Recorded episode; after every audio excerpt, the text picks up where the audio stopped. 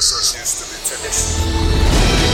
Some of the best speakers in the world. The purpose of business is not to maximize shareholder value. Whoever told you that shoot them. It brings together so many people and creates this high energy environment. Powerful speakers, powerful audience. Vi starter et nytt år i OBF-podden med en ønskereprise som nå ja, Dette har jo blitt en tradisjon, Harald Magnus.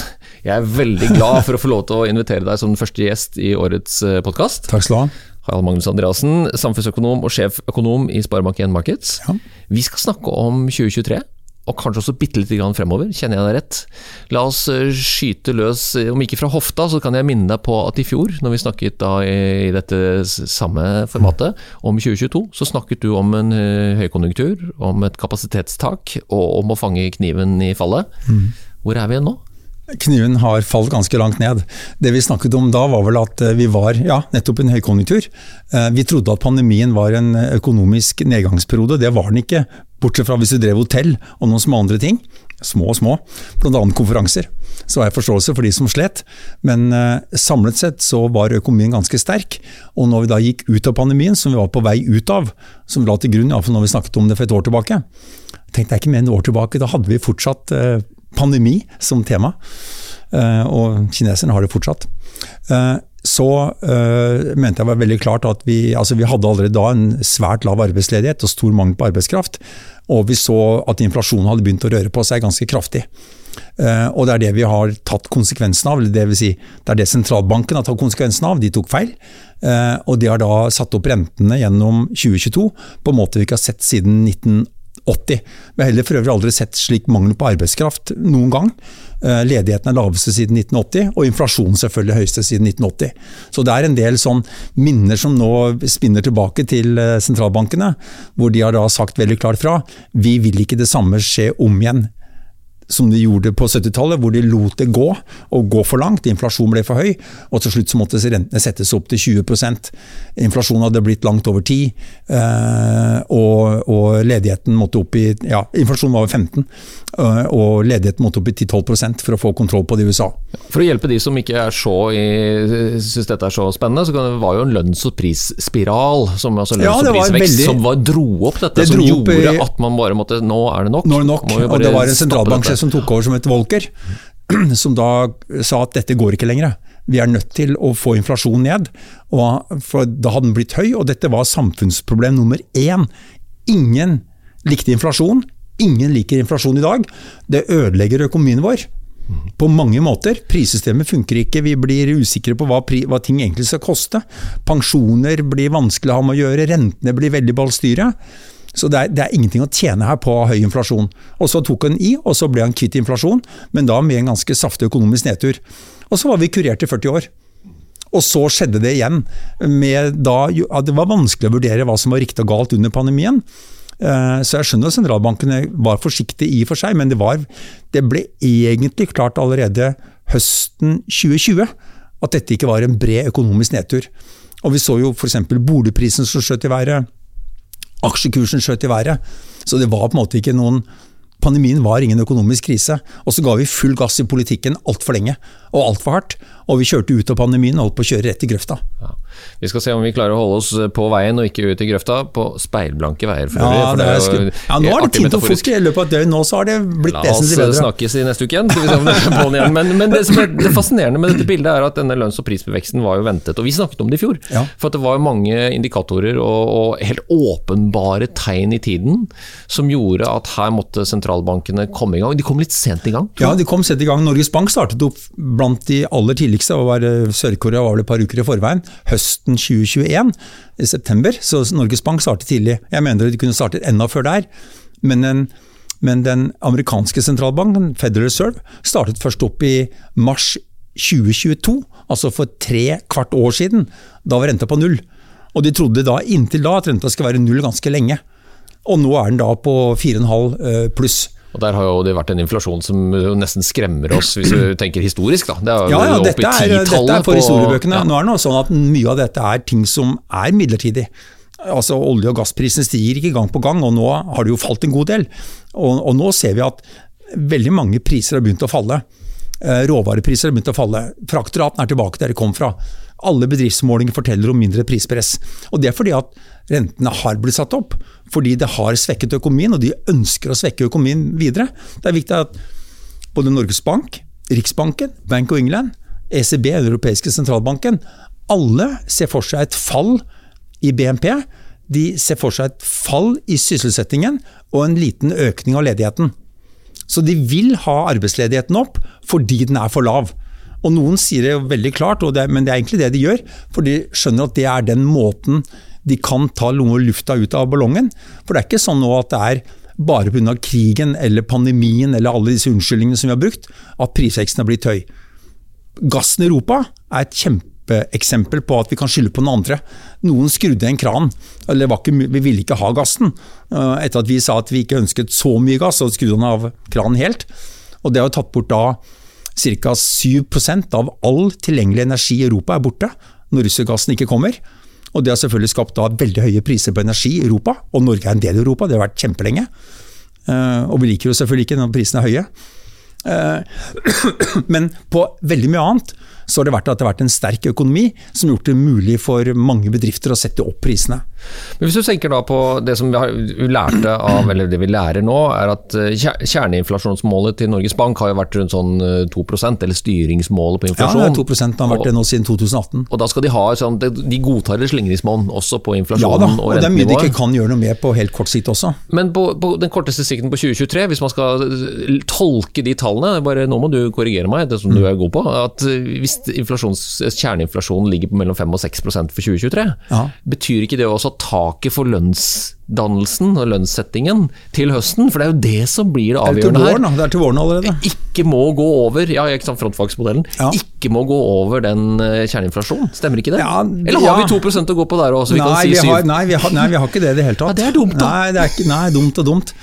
Uh, ja, Må vi under den, da? Må vi på sånn fire? Ja, 3,7 altså, eller sånn i, nå, i fjor? Nå, tror jeg, nå har nok inflasjonen passert toppen i Norge, og så ja. fått god hjelp av strømstøtte.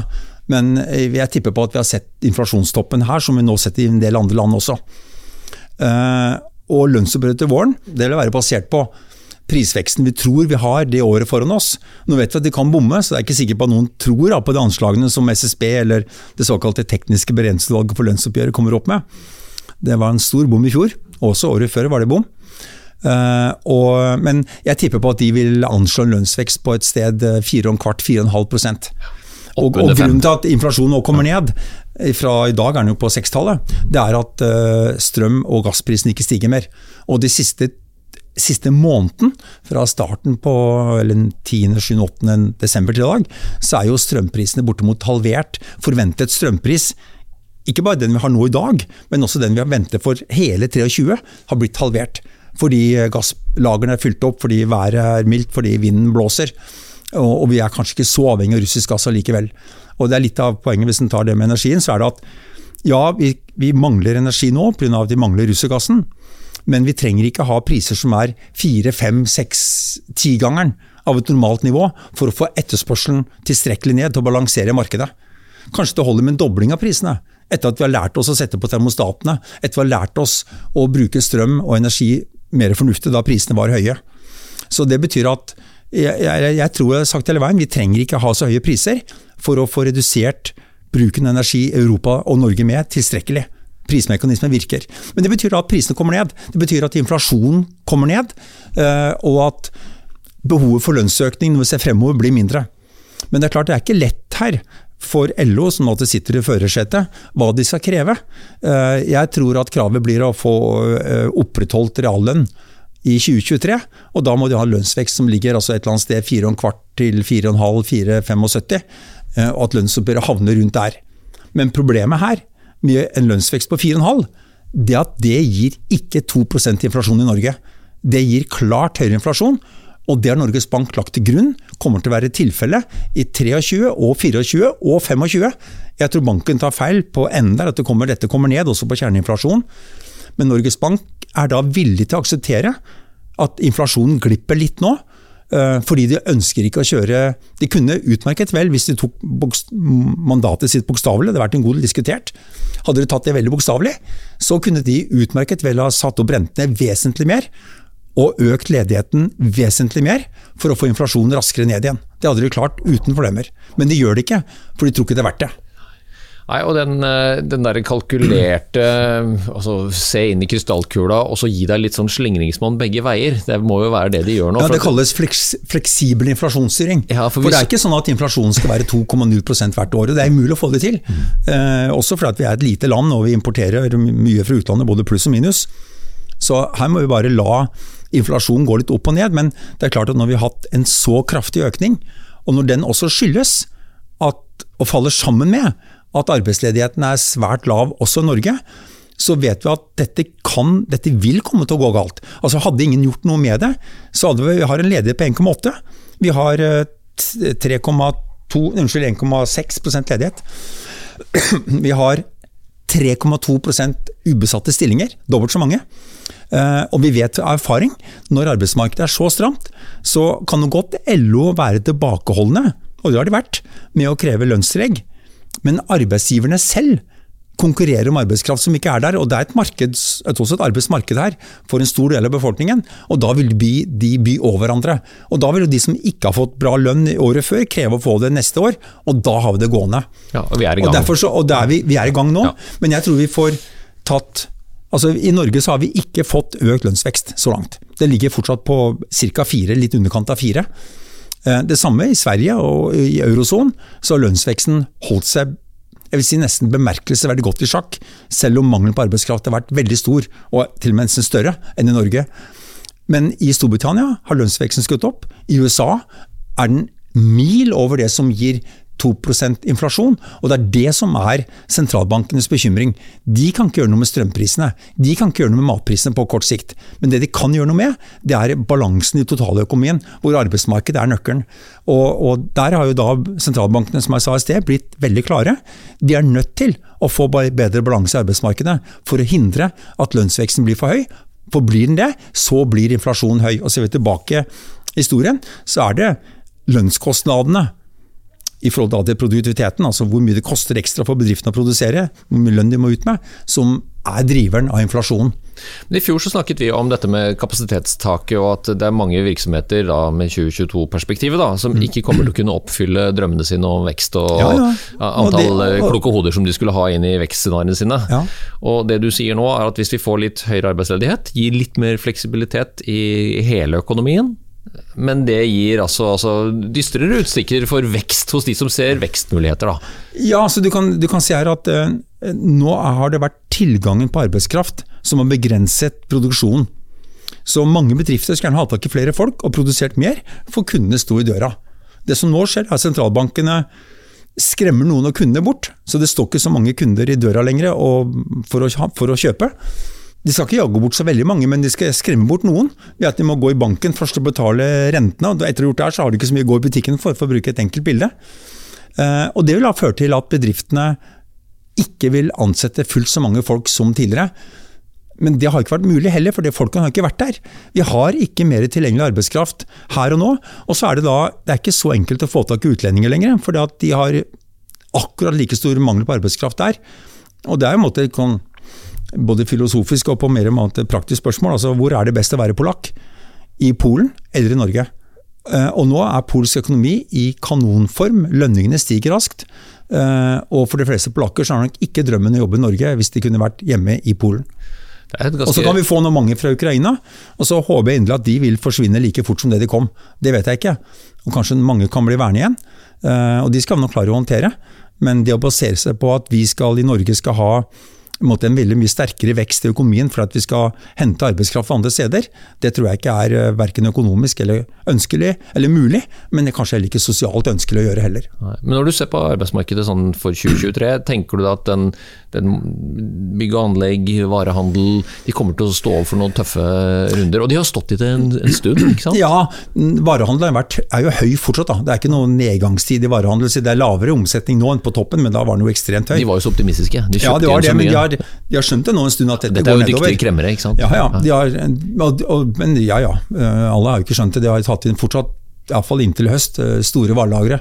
For de trodde at salget, salget skal holde seg oppe. Kunne stå i døren, sa du? Ja, kunne stå i døren, liksom, men nå gjør de ikke det på samme måte lenger. Og Dessuten så rakk alle kjøpmennene å bestille nok. Så da de fikk de trøbbel med lagrene. Eh, men vi vil nok se en mer balansert økonomi. Eh, Med at bedriftene ikke ønsker å vokse så mye, ikke klarer å vokse mye, for at kundene er der ikke. Enten de er norske kunder eller utenlandske, det er det samme. Utlendingene dempes av sine sentralbanker, og de norske kundene dempes av den norske sentralbanken. Eh, Og det gjør at eh, det blir mindre det vi kaller press på arbeidsmarkedet. Eh, Men vi, vi ser jo ikke her for oss at vi skal ha Og det, Norges Bank skal jo ikke ta livet av oss her, de skal bare bremse oss litt ned. Norges Bank ser ikke for seg en kraftig økning av ledigheten, det er ikke nødvendig heller. Jeg tror vi får kontroll på eller unngår å få en eh, lønnsprisspiral i Norge, drevet herfra, eh, med forholdsvis moderat økning av arbeidsledigheten. Og rentene er satt opp mye, iallfall i forhold til hvor fort hvor raskt det har gått. Og nå venter markedet kanskje én eller, en, eller nå i dag to renteøkninger til, opp til 3,25 på Norges Banks eh, signalrente. Ja, Ida Wolden Bakke har jo så klokelig og rolig formulert det er kontrollert nedkjøling som gjelder. Og Ja. det oppleves jo som en som bare ja, Jeg har jo huslån som mange andre har. At det virker som de vet hva de driver med, men det er jo det er jo en uro her, og du nevner det jo. Altså, vi Ja, det er en uro. Altså, det, dels er det sånn at Problemet er jo at når vi da bruker renten, som er, de fleste økonomer sier er en fornuftig førstelinjeforsvar i, i, i konjunkturstyringen, så er det jo klart at det er veldig forskjell på hvem som merker det. Det er de som har høy gjeld, som, bærer, som merker det. Og det er klart at rentene må heves såpass mye at noen angrer på det siste lånet de tok opp. Hvis ikke så virker det ikke. Så låneetterspørselen må jo ned, fordi at de som har tatt opp lån angrer på at de gjorde det. Det er da først det virker, at vi da får tilgang til mindre penger og bruker mindre penger. Så det sier Lenin at du kan ikke lage uten å, omelett uten å knuse noen egg.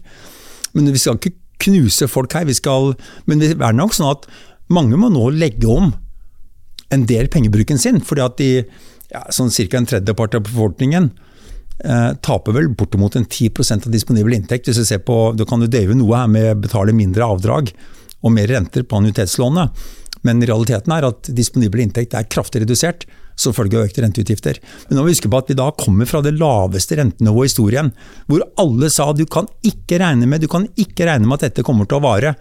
De satte i gang tiltak med 5 ganger 85% osv. for å prøve å holde det nede så godt de kunne få det til. For renta var åpenbart altfor lavt til å stabilisere økonomien. Og det at da renta kommer tilbake til et mindre unormalt nivå, det måtte alle regne med. Og hva man da skal si til de som ikke tenkte seg mulig at renta skulle stige, det er jeg nesten ikke sikker på hva jeg, jeg vet ikke hva jeg skal si til dem. altså. Nei, det blir jo travelt for luksusfellen i verste fall. Ja, det er det. Men det en- betyr ja. også, bare si det, det betyr jo når så mange nordmenn har lånt så mye, så er det jo også sånn at det er grenser på hvor mye Norges Bank trenger å øke. Fordi at de får effekten selv med mindre renteoppgang. Og det som er interessant nå, nå venter markedet at Norges Bank stopper før Riksbanken, stopper før den europeiske, og på et langt lavere nivå enn USA. Så nå er det Norge det landet som har lavest forventet rente av rike land. Ja. Og det har vi jo lest Utlendinger har jo snakket om det lenge, at den norske modellen, eller hva det er vi driver med Vi har en høyt utdanna befolkning. Ja. Vi er vant til å omstille oss. Og så har vi hatt gode tider, så har det Ja. påvirket oss litt i forhold til forventningene. Men det kan jo, vi kan jo håpe på at vi er raske til å ta disse signalene ut i handling. Jeg, Ja da, men det betyr jo at folk skal bruke f.eks. tilpasse pengebruken. Ja. Og mine utgifter er dine inntekter. Ja. Og Det er det som gjør at dette har ringvirkninger i økonomien. Og at da eh, sentralbanken erkjenner de vet ikke hvor sikkert hvordan dette vil virke. Men alternativet, å ikke gjøre noen ting når renten var på 2% eller eh, altså utlånsrenten og styringsrenten på null, eh, når det var akutt mangel på arbeidskraft og svært lav ledighet, og inflasjonen begynte å spre seg ut på mange områder, det ville vært veldig uansvarlig. Og Derfor har sentralbanken satt opp rentene. Jeg har et spørsmål til deg i, i, liksom på siden av det, og du, du kan velge hvordan du vil svare på det. For det er jo noen som roper høyt, og særlig fra arbeidsgiversiden, om, om forutsigbare rammer. Og, og egentlig videreføring av støttepakker. Det er jo det de ber, jo, det jo det Ja, de ber om. det- jo, si det sånn. De er jo bortskjemt, er vant til uh, å ha lave strømpriser og forutsigbarhet, og at hvis det blir trøblete tider, og at den, disse markedskreftene blir litt mot de, så roper de på, På staten, ja. på staten. Og det gjør de jo nå. Eh, Så det ljomer etter, og de opplever at de burde ha fått mer hjelp. Hva tenker du om det? Det De er vel litt enig i det som ligger bak, i grunntonen bak de spørsmål her. Eh, Bedriftene tar oppsiden, og de må ta nedsiden når ting går imot. Pandemien var veldig spesielt på den måten at det var en, litt sånn brutal nedstengning, og hvor vi gjorde inngrep overfor enkeltvirksomheter som vi ikke har gjort før. Så da kan man jo diskutere hva som er riktig og galt å gjøre. Når det gjelder strømprisene, så tror jeg myndighetenes til, tilnærming har vært riktig. Og det er en måte som paradoks er, at altså, krisen i norsk økonomi, som i resten av det rike land, er at ledigheten er for lav. At aktivitetsnivået er for høyt, og at noen må bidra til å dempe aktivitetsnivået. Og det, det føles så fælt å si at det er en krise, men det er det som er ubalansen. Og det er det sentralbankene nå prøver å rette opp i ved å sette opp rentene, ved å dempe etterspørselen og få opp ledigheten litt. Og det er det regjeringen har lagt frem et budsjett for, nemlig å redusere altså Analysen til diagnosen til regjeringen er pengebruken er for høy. Ledigheten er for lav. Dette går ikke. Og for å bidra til å redusere pengebruken utover det rentene bidrar til, så sier de at vi skal bidra på vår måte med å redusere pengebruken ved å øke skatter og være ganske kjipe på mange utgifter. Kanskje ikke alle syns at alle utgiftene har blitt holdt tilbake på landbruk eller på ferjer eller på fylkesoppløsninger eller hva det måtte være, men hovedbildet er at de offentlige utgiftene vokser lite, og de øker skatter som ingen liker. Og det gjør de fordi de ønsker å redusere pengebruken, fordi de mener at den er for høy. Og øh, Jeg tror alt i alt at, det, at den politikken vi da fører er riktig. Eh, og Det betyr jo da at en del bedrifter vil komme til å merke at pengebruken reduseres. Og da å komme med støttepakker til bedriftene da, når, når vi ønsker å dempe etterspørselen i økonomien, det virker ikke særlig smart. Jeg tror jo om vi om noen år kommer til å se tilbake på disse årene her og tenke jøye meg, alle var enige at dette var den riktige kall det medisinen, oppskriften. For vi må ned fra et nærmest sånn Ja. kunstig Ja, ble- forbruksnivå. ja. Og så vil jo, det vil jo aldri være populært å prøve å ta ned noe. Det er som Nei, å stramme inn livremmen når du har det- gått litt opp i vekt. Det er Veldig jo bra ikke lett. formulert. ikke sant? Det er at alle, altså alle mener at inflasjon er den største fienden vi har. Kjøpekraft blir borte, pensjoner blir borte, sparemidler blir borte. Dette liker vi ikke i det hele tatt. Rentene må opp. Men poenget er at det er ingen som liker tiltakene mot inflasjon, eller som er nødvendig for å få inflasjon ned. Det er ikke noe vi kan vedta. Det er fordi det er en ubalanser, det er ubalanser i økonomien. Eh, og det er vi nå i ferd med å rette opp. Og det merkes negativt for en god del. Ja, og begrepet rettferdighet blir jo eh, ofte trukket fram. Ikke sant? For det, I økonomien, det vet vi jo, der kan man jo peke på noen, og så kan man jo insinuere at de har fått eller de fikk litt mer. Og, så, Ja. og vi, vi snakket jo litt grann om lønns, lønnsdannelsen, lønnsdannelsen, den modellen vi har. Og så så vi jo på slutten av året, helt riktig som du, du spådde, riktignok, de hørte ikke på deg, for at du sa jo at kanskje de bør gi litt mer til kommune og stat, typ lærere. Ja. De gjorde jo ikke det. Nei. Og det vil jo oppmagasinere seg en Vet ikke hvor mye jeg forventning. foreslo det ekstra der, men eh, Du, litt. litt, så kanskje litt. grann. Mer enn en det, en det det i hvert fall ble lagt til grunn for at argumentet da fra, fra KS, og det er jo Ja, forståelig. ja. Her kan vi ikke ha noe omkamp. Nei. For det vil bety at alle de andre vil komme og be om noe mer. Så blir det jo uhyre interessant å se. Hvordan kommer dette til å bli i år?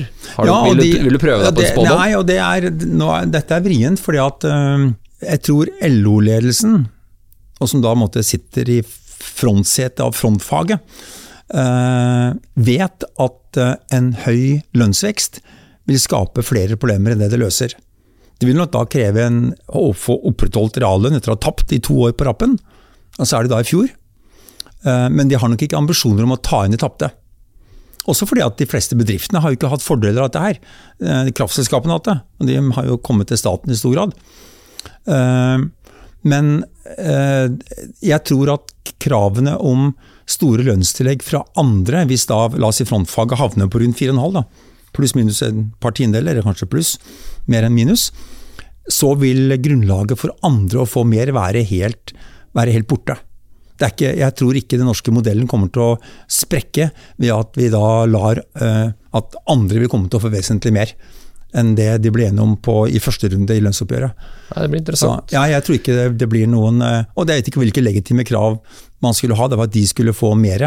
Hadde det vært slik at privat sektor hadde da løpt av gårde med store ekstra tillegg utover det avtalte, så kommer kravet om, om kompensasjon mer forståelig. Men som det ser ut i dag, så har ikke lønnsveksten i privat sektor blitt høyere enn det som er lagt til grunn. Jeg tror den ville ha blitt det i 23-24 dersom vi ikke har lagt om den økonomiske politikken. For da hadde arbeidsgiverne byttet over hverandre i privat sektor. Da ville det kommet legitime krav om kompensasjon fra offentlig sektor etterpå, og da hadde vi det gående. Nei, Det blir uhyre spennende å følge med på. og Jeg tror også, jeg prøvde jo meg i sted på at eh, er, det magiske tallet er nok fem. er min spådom. På lønningene? Ja, Jeg tror det blir lavere enn det. Og inflasjon. Eh, Jeg tror blir er lavere. Begge blir lavere enn, det, Vi lavere enn Ja, Vi skal gjøre opp dette Ja, det får vi i gjøre opp. Men man sier 2020. her, vi, vi vet at vi ikke vet. Jeg vet iallfall det jeg ikke vet. Jeg vet at her er det mange ting som kan skje. Ja. Det skal ikke mye til med eh, konflikt med Russland på noen andre områder, eller noe annet uforutsett, og det skjer alltid noe et eller annet uforutsett, som gjør at f.eks. energiprisen stiger igjen. Eh, Og det kan være andre ting som gjør at vi sporer av også i, i 23 selvfølgelig. Men det ligger an til nå, når vi ser på hva som som nevnte, på råvarepriser, fraktrater, eh, varepriser i en del land, produsentprisindekser, så ser det nå ganske lovende ut på at prispresset dempes veldig raskt. Ja, for det er et tema som vi egentlig snakket om forrige gang, og som vi indirekte snakker om nå. Og som mange... Si, det Ja, ja, la meg legge til bare. Prispresset som skyldes at vi vareetterspørselen ble kunstig høy under og etter pandemien. Det avgjørende for inflasjon på sikt, det er lønningene som jeg nevnte i sted. Ja. Og der kreves det litt mer medisin til for å, få, øh, for å forsikre seg om at vi ikke får en, en, pris, en lønnsprisspiral. Ja, som vi ikke har slått inn på ennå, men som vi ville komme til å gjøre, eller kunne ha gjort, hvis vi ikke gjør noe med det. medisin og også kommunikasjon. For jeg tror det Mm. som ofte løper av gårde, er disse her kortsiktige løsningene og ideen om at noe er urettferdig. Det har vi jo sett nå demonstrert både med forsøket på å innføre grunnrentebeskatning, liknende på en veldig klønete måte, eh, og så disse her ut- og innspillene på ulike former for støtte. Mm. Eh, Jeg opplever at du og jeg ofte blir snakkende litt i sirkel, for vi er ganske enige om at hvis disse markedskreftene skal fungere, så må de jo fungere fra begge sider. Ja. Altså det, det er jo Det- er etterspørselen som skal styre tilbudet. Ja. Ikke omvendt, men vi har jo levd i så gode tider, Harald, at det har jo blitt en sånn idé om at hvis du er tilbyder, så må du jo identifisere hvem det er som skal beskytte din rett til å drive næring. Og tjene bra etterpå også. Så lenge, ja. Ja. Ja, ja, ja. Ja, Altså, nei, det, det er er jo rettferdig. Og hvis ikke, så flytter du til Sveits. Ja, ja ikke gå inn på den Nei, debatten, nei. men jeg skjønner akkurat hvor du vil hen. Det er jo kommunikasjon. Og det, ja, det, kom- ja det, og det er vrient, for at ja, som sagt under pandemien så var det trolig riktig å gjøre noe. Men vi fikk f.eks. En, en eh, skatteomlegging midlertidig, som de kalte det, overfor oljeselskapene for å holde aktiviteten oppe under pandemien. Som ikke skapte særlig endringer under pandemien, for sånne ting tar det lang, lang tid å endre. Men som nå gir en investeringsbølge fra 23, 24, 25. Eh, altså da tre år etter at eh, det ble vedtatt på Stortinget. Eh, og, og det er klart at det er sånne ting som vi normalt ikke gjør i Norge. Vi må snakke om dette. Snakke- Eh, men, men det er én ting til jeg er nødt til å snakke med deg om, og det er geopolitikk. Har jo havnet nå i egentlig kjernen kjernen av veldig mye samtaler. og Jeg tror det er mange næringsdrivende som syns dette er både trøblete og spennende, men vi har jo sett det lenge. Vi har jo levd i en sånn villfarelse om at uh, internasjonal, global uh, handel og handelsavtaler er uh, løsningen, men så har det jo vært regionalisering og konflikter, og det bare tar seg opp. Og det jeg vet at mange snakker om, er jo dette her forholdet mellom den nye og den gamle verden. Ja. Og den nye er jo åpenbart den mest folkerike, den mest framgangsrike, og der hvor dominant design begynner å flytte seg, nemlig Asia. ja. Ledes av et, eh, et land som vi syns det er litt så vanskelig å å definere. Og det, og det blir bare mer og mer rødglødende. Ja, du, Dette er en kjempeviktig problemstilling, og jeg minner om at her har jeg, fikk jeg svarene. En ting er at jeg kan forstå meg på konjunkturene, men på de strukturelle endringene og politikkendringene her, det jeg det er for ingen som en dag har kontrollen på. Først må jeg si at gjennomgående så har øh, kall det frihandelen og global handel gått utrolig bra, også gjennom pandemien. Det har ikke vært slik at det har vært en voldsom oppblomstring av, eh, av verken regionale eller nasjonale proteksjonistiske tiltak. Det var en del under Trump, som ikke Biden har tatt bort, eh, i hvert fall ikke mest av det. Um, Og det er en del som de kaller det regionalisering, men det har alltid alt vært tiltak for å ha mer frihandel på de områdene som da eh, de gjør avtaler for. Så er det sånn at denne kall globaliseringen som vi har hatt veldig mye av etter annen verdenskrig, har jo da bidratt, som økonomene kan forstå det, til en vanvittig kraftig bedring av levestandarden. Både for de som var fattige, og for de som var rikeste, de rikeste i utgangspunktet. Og, og Derfor så sliter vi nå med måte, å analysere og ta inn over oss at denne globaliseringen kanskje nå har nådd sin ende. Og da er det jo akkurat som du sier, at det er en det er, Vi ser jo nå at økonomi er mm, underordnet politikk og sikkerhet når det gjelder Russland. Eh, det var jo mange som tenkte som sa at russerne ville aldri kunne gå til krig, for det ville være for dyrt for dem. Men det var ikke økonomien som styrte beslutningen til Putin, det var hans stormannsgalskap. Og vi har nå naturlig nok svart med ikke ville handle med dem. Uh, han har svart med å kutte av gassen. Uh, og dermed så måtte viktige elementer i økonomi blitt dratt inn i politikken. Men når det gjelder Russland, så bortsett fra gassen og oljen som de har, så er det i en måte ikke viktige i verdensøkonomien. Det er en pygme. Eller jeg heter ikke det lenger, for det det, det er feil å si, har jeg hørt. Men det er, en, det er, et lite pinnsvin. Det er lite, og så har du noen pinner som stikker ut som er måte, viktige for resten av verden. Men alt i alt så er eh, Russland er, er, det ikke noe farlig å kvitte seg med, seg også i global økonomi. Men neste diskusjon som du trakk opp, nemlig eh, hva som skjer med Kina, det er noe helt annet. Kina er verdens største eksportør. Det er verdens nest største importør etter USA. Det er dypt integrert i de aller fleste varekjedene, transportkjedene. Eh, det er verdens største produsent av fryktelig mye, og, langt, langt større enn noen andre. Eh, og der er dilemmaet nå at vi ser at de har andre mål enn det vi har. De oppfører seg som noen kødder overfor, oppfatter vi, i forhold til naboene i Sør-Kina-havet. Eh, de gjør ting i Hongkong som de vi mente at de ikke skulle gjøre. De er ikke snille med uigurene. De har et overvåkningssamfunn internt som vi ikke kan forstå er bra for den personlige friheten, det er det jo heller ikke. En president Xi som har blitt uh, keiser, uh, gjenvalgt nå for, eller gjenvalgt for andre gang, å ta den tredje perioden, som er helt i strid med den måten kommunistpartiet sa de skulle lede på. Og han omgir seg med, ba, med folk som bare er enige med ham. Og de sabelrasler og mer enn det da, over Taiwan-stredet hver dag, og sier at de skal ha Taiwan tilbake. Og gitt at Og det er ikke drevet av noen økonomisk rasjonalitet. Det er drevet av stolthet. Nå kan si Det er samme stoltheten som gjør at vi sier at vi vil stå ved Taiwan og, og beskytte Taiwan mot uh, Kina, men det er jo ikke lett å gjøre på lang avstand uh, og med den militære kapasiteten som Kina har. Og så ligger det bak det hele, da. Altså, Kina oppførte seg som en, eh, som en eh, bølle i mange sammenhenger. Eh, men så er det også sånn at før Kina egentlig ble bøllete, så ble jo USA bekymret for Kina. For, ikke fordi Kina var en bølle, men fordi det kom til å bli den største. Og mange mener at USA har også vært en bølle på mange ting i denne verden, og det kan vi diskutere. Men jeg vil ikke sammenligne USA og Kina her når det gjelder å være bølte, på, på de tingene jeg nå nevnte. Så er det sånn at mange i USA mente mente, og mener fortsatt, at Kina må stoppes før Kina blir størst og sterkest. Det er for sent allerede. Kina er størst, og Kina kommer til å bli også sterkest militært.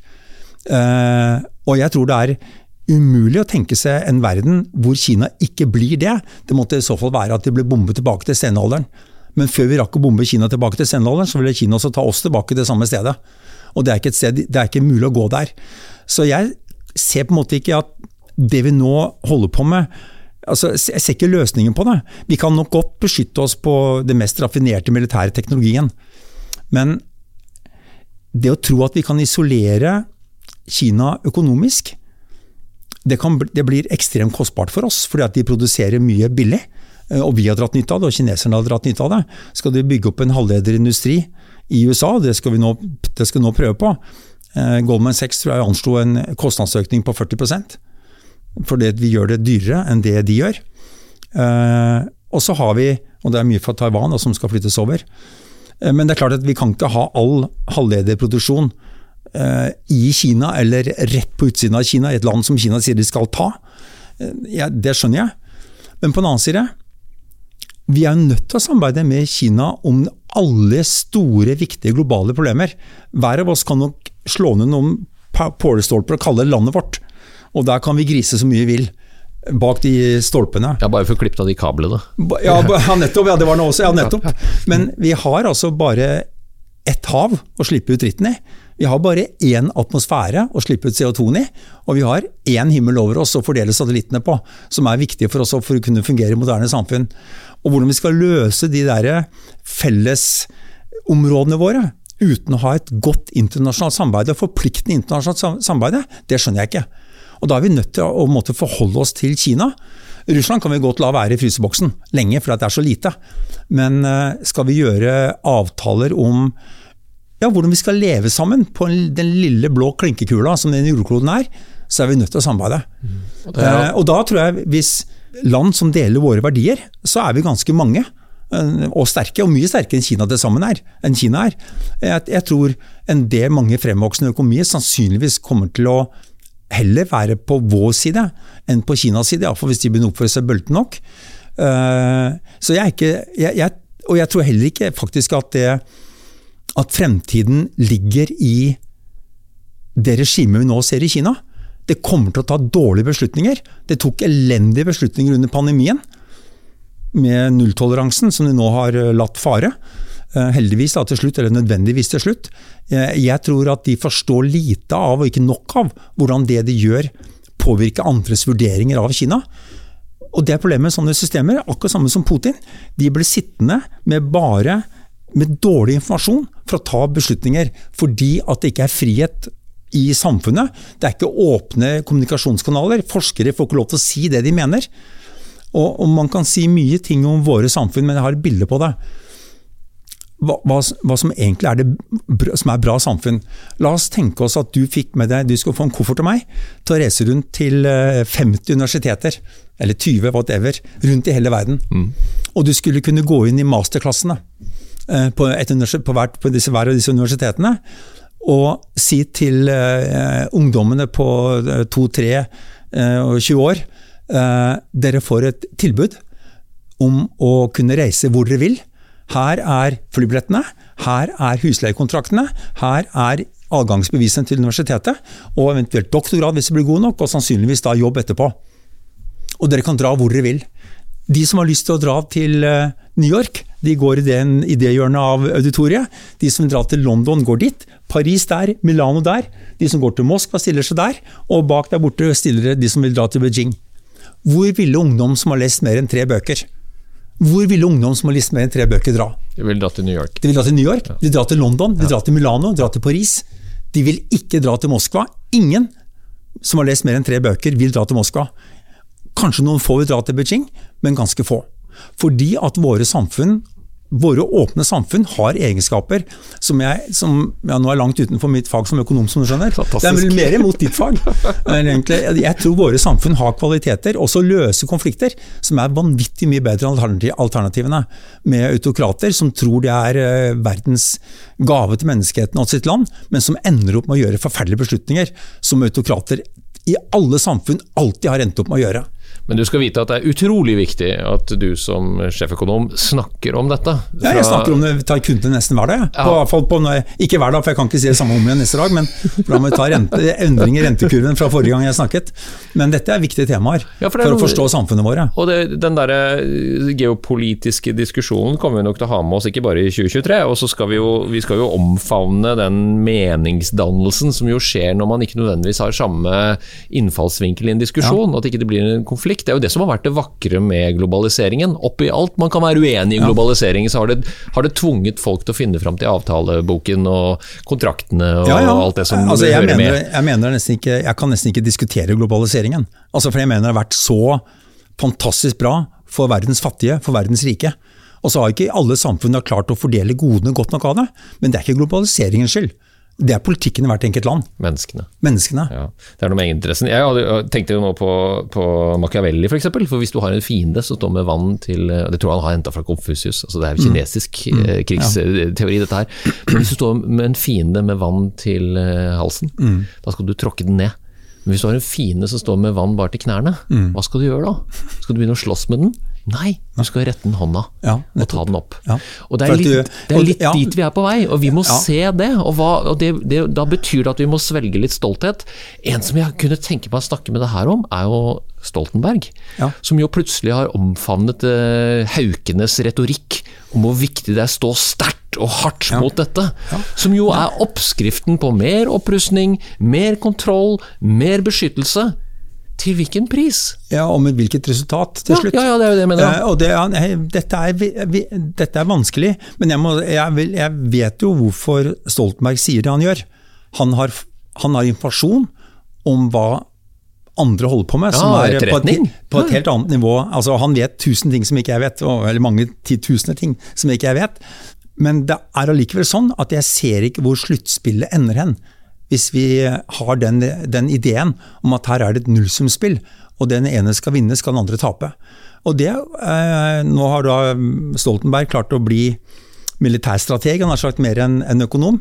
Eh, jeg er fortsatt på at eh, jeg er ute og finner løsninger som er vinn-vinn, og som ikke er eh, den enes brød, den andres død. Og så blir det et veldig spennende år. Vi får med spenning følge med på både rentedannelse, støttepakker og ikke minst eh, hvordan lønnsnivået blir. Eh, Kjerneinflasjon og alt det andre. Og igjen, vi er ingen spåmenn, noen av oss. Tusen takk for innsikten du deler med oss i OBF-poden. Årets konferanse heter 'Thriving in Chaos' Ja. i september. Hvor kaotisk blir det? Vil du driste deg på det til slutt? Jeg tror vi overdriver hvor kaotisk det er. Eh, Det med at konjunkturen skal dempes og at rentene stiger, er ikke kaos. Eh, Det var litt kaosbeslutninger som førte oss dit, men dette er veldig håndterbart. Men det er klart at den uroen vi kan ha, og, og den turbulensen vi kan se for oss hvis vi skal bygge om hele det globale økonomiske og politiske systemet, da skjønner jeg at folk blir rolige. Og det går på geopolitikken mye mer enn på økonomien. Vi krysser fingrene, spenner fast sikkerhetsbeltene, gleder oss og, og håper på overraskelser. Positive overraskelser. Takk for praten, Harald Magnus. Håper det samme. Hvis du likte denne podkasten, hadde vi satt utrolig stor pris på om du abonnerte og gir oss en tilbakemelding i avspilleren. Some of the best speakers in the world. The purpose of business is not to maximize shareholder value. Whoever told you that, shoot them. It brings together so many people and creates this high energy environment. Powerful speakers, powerful audience.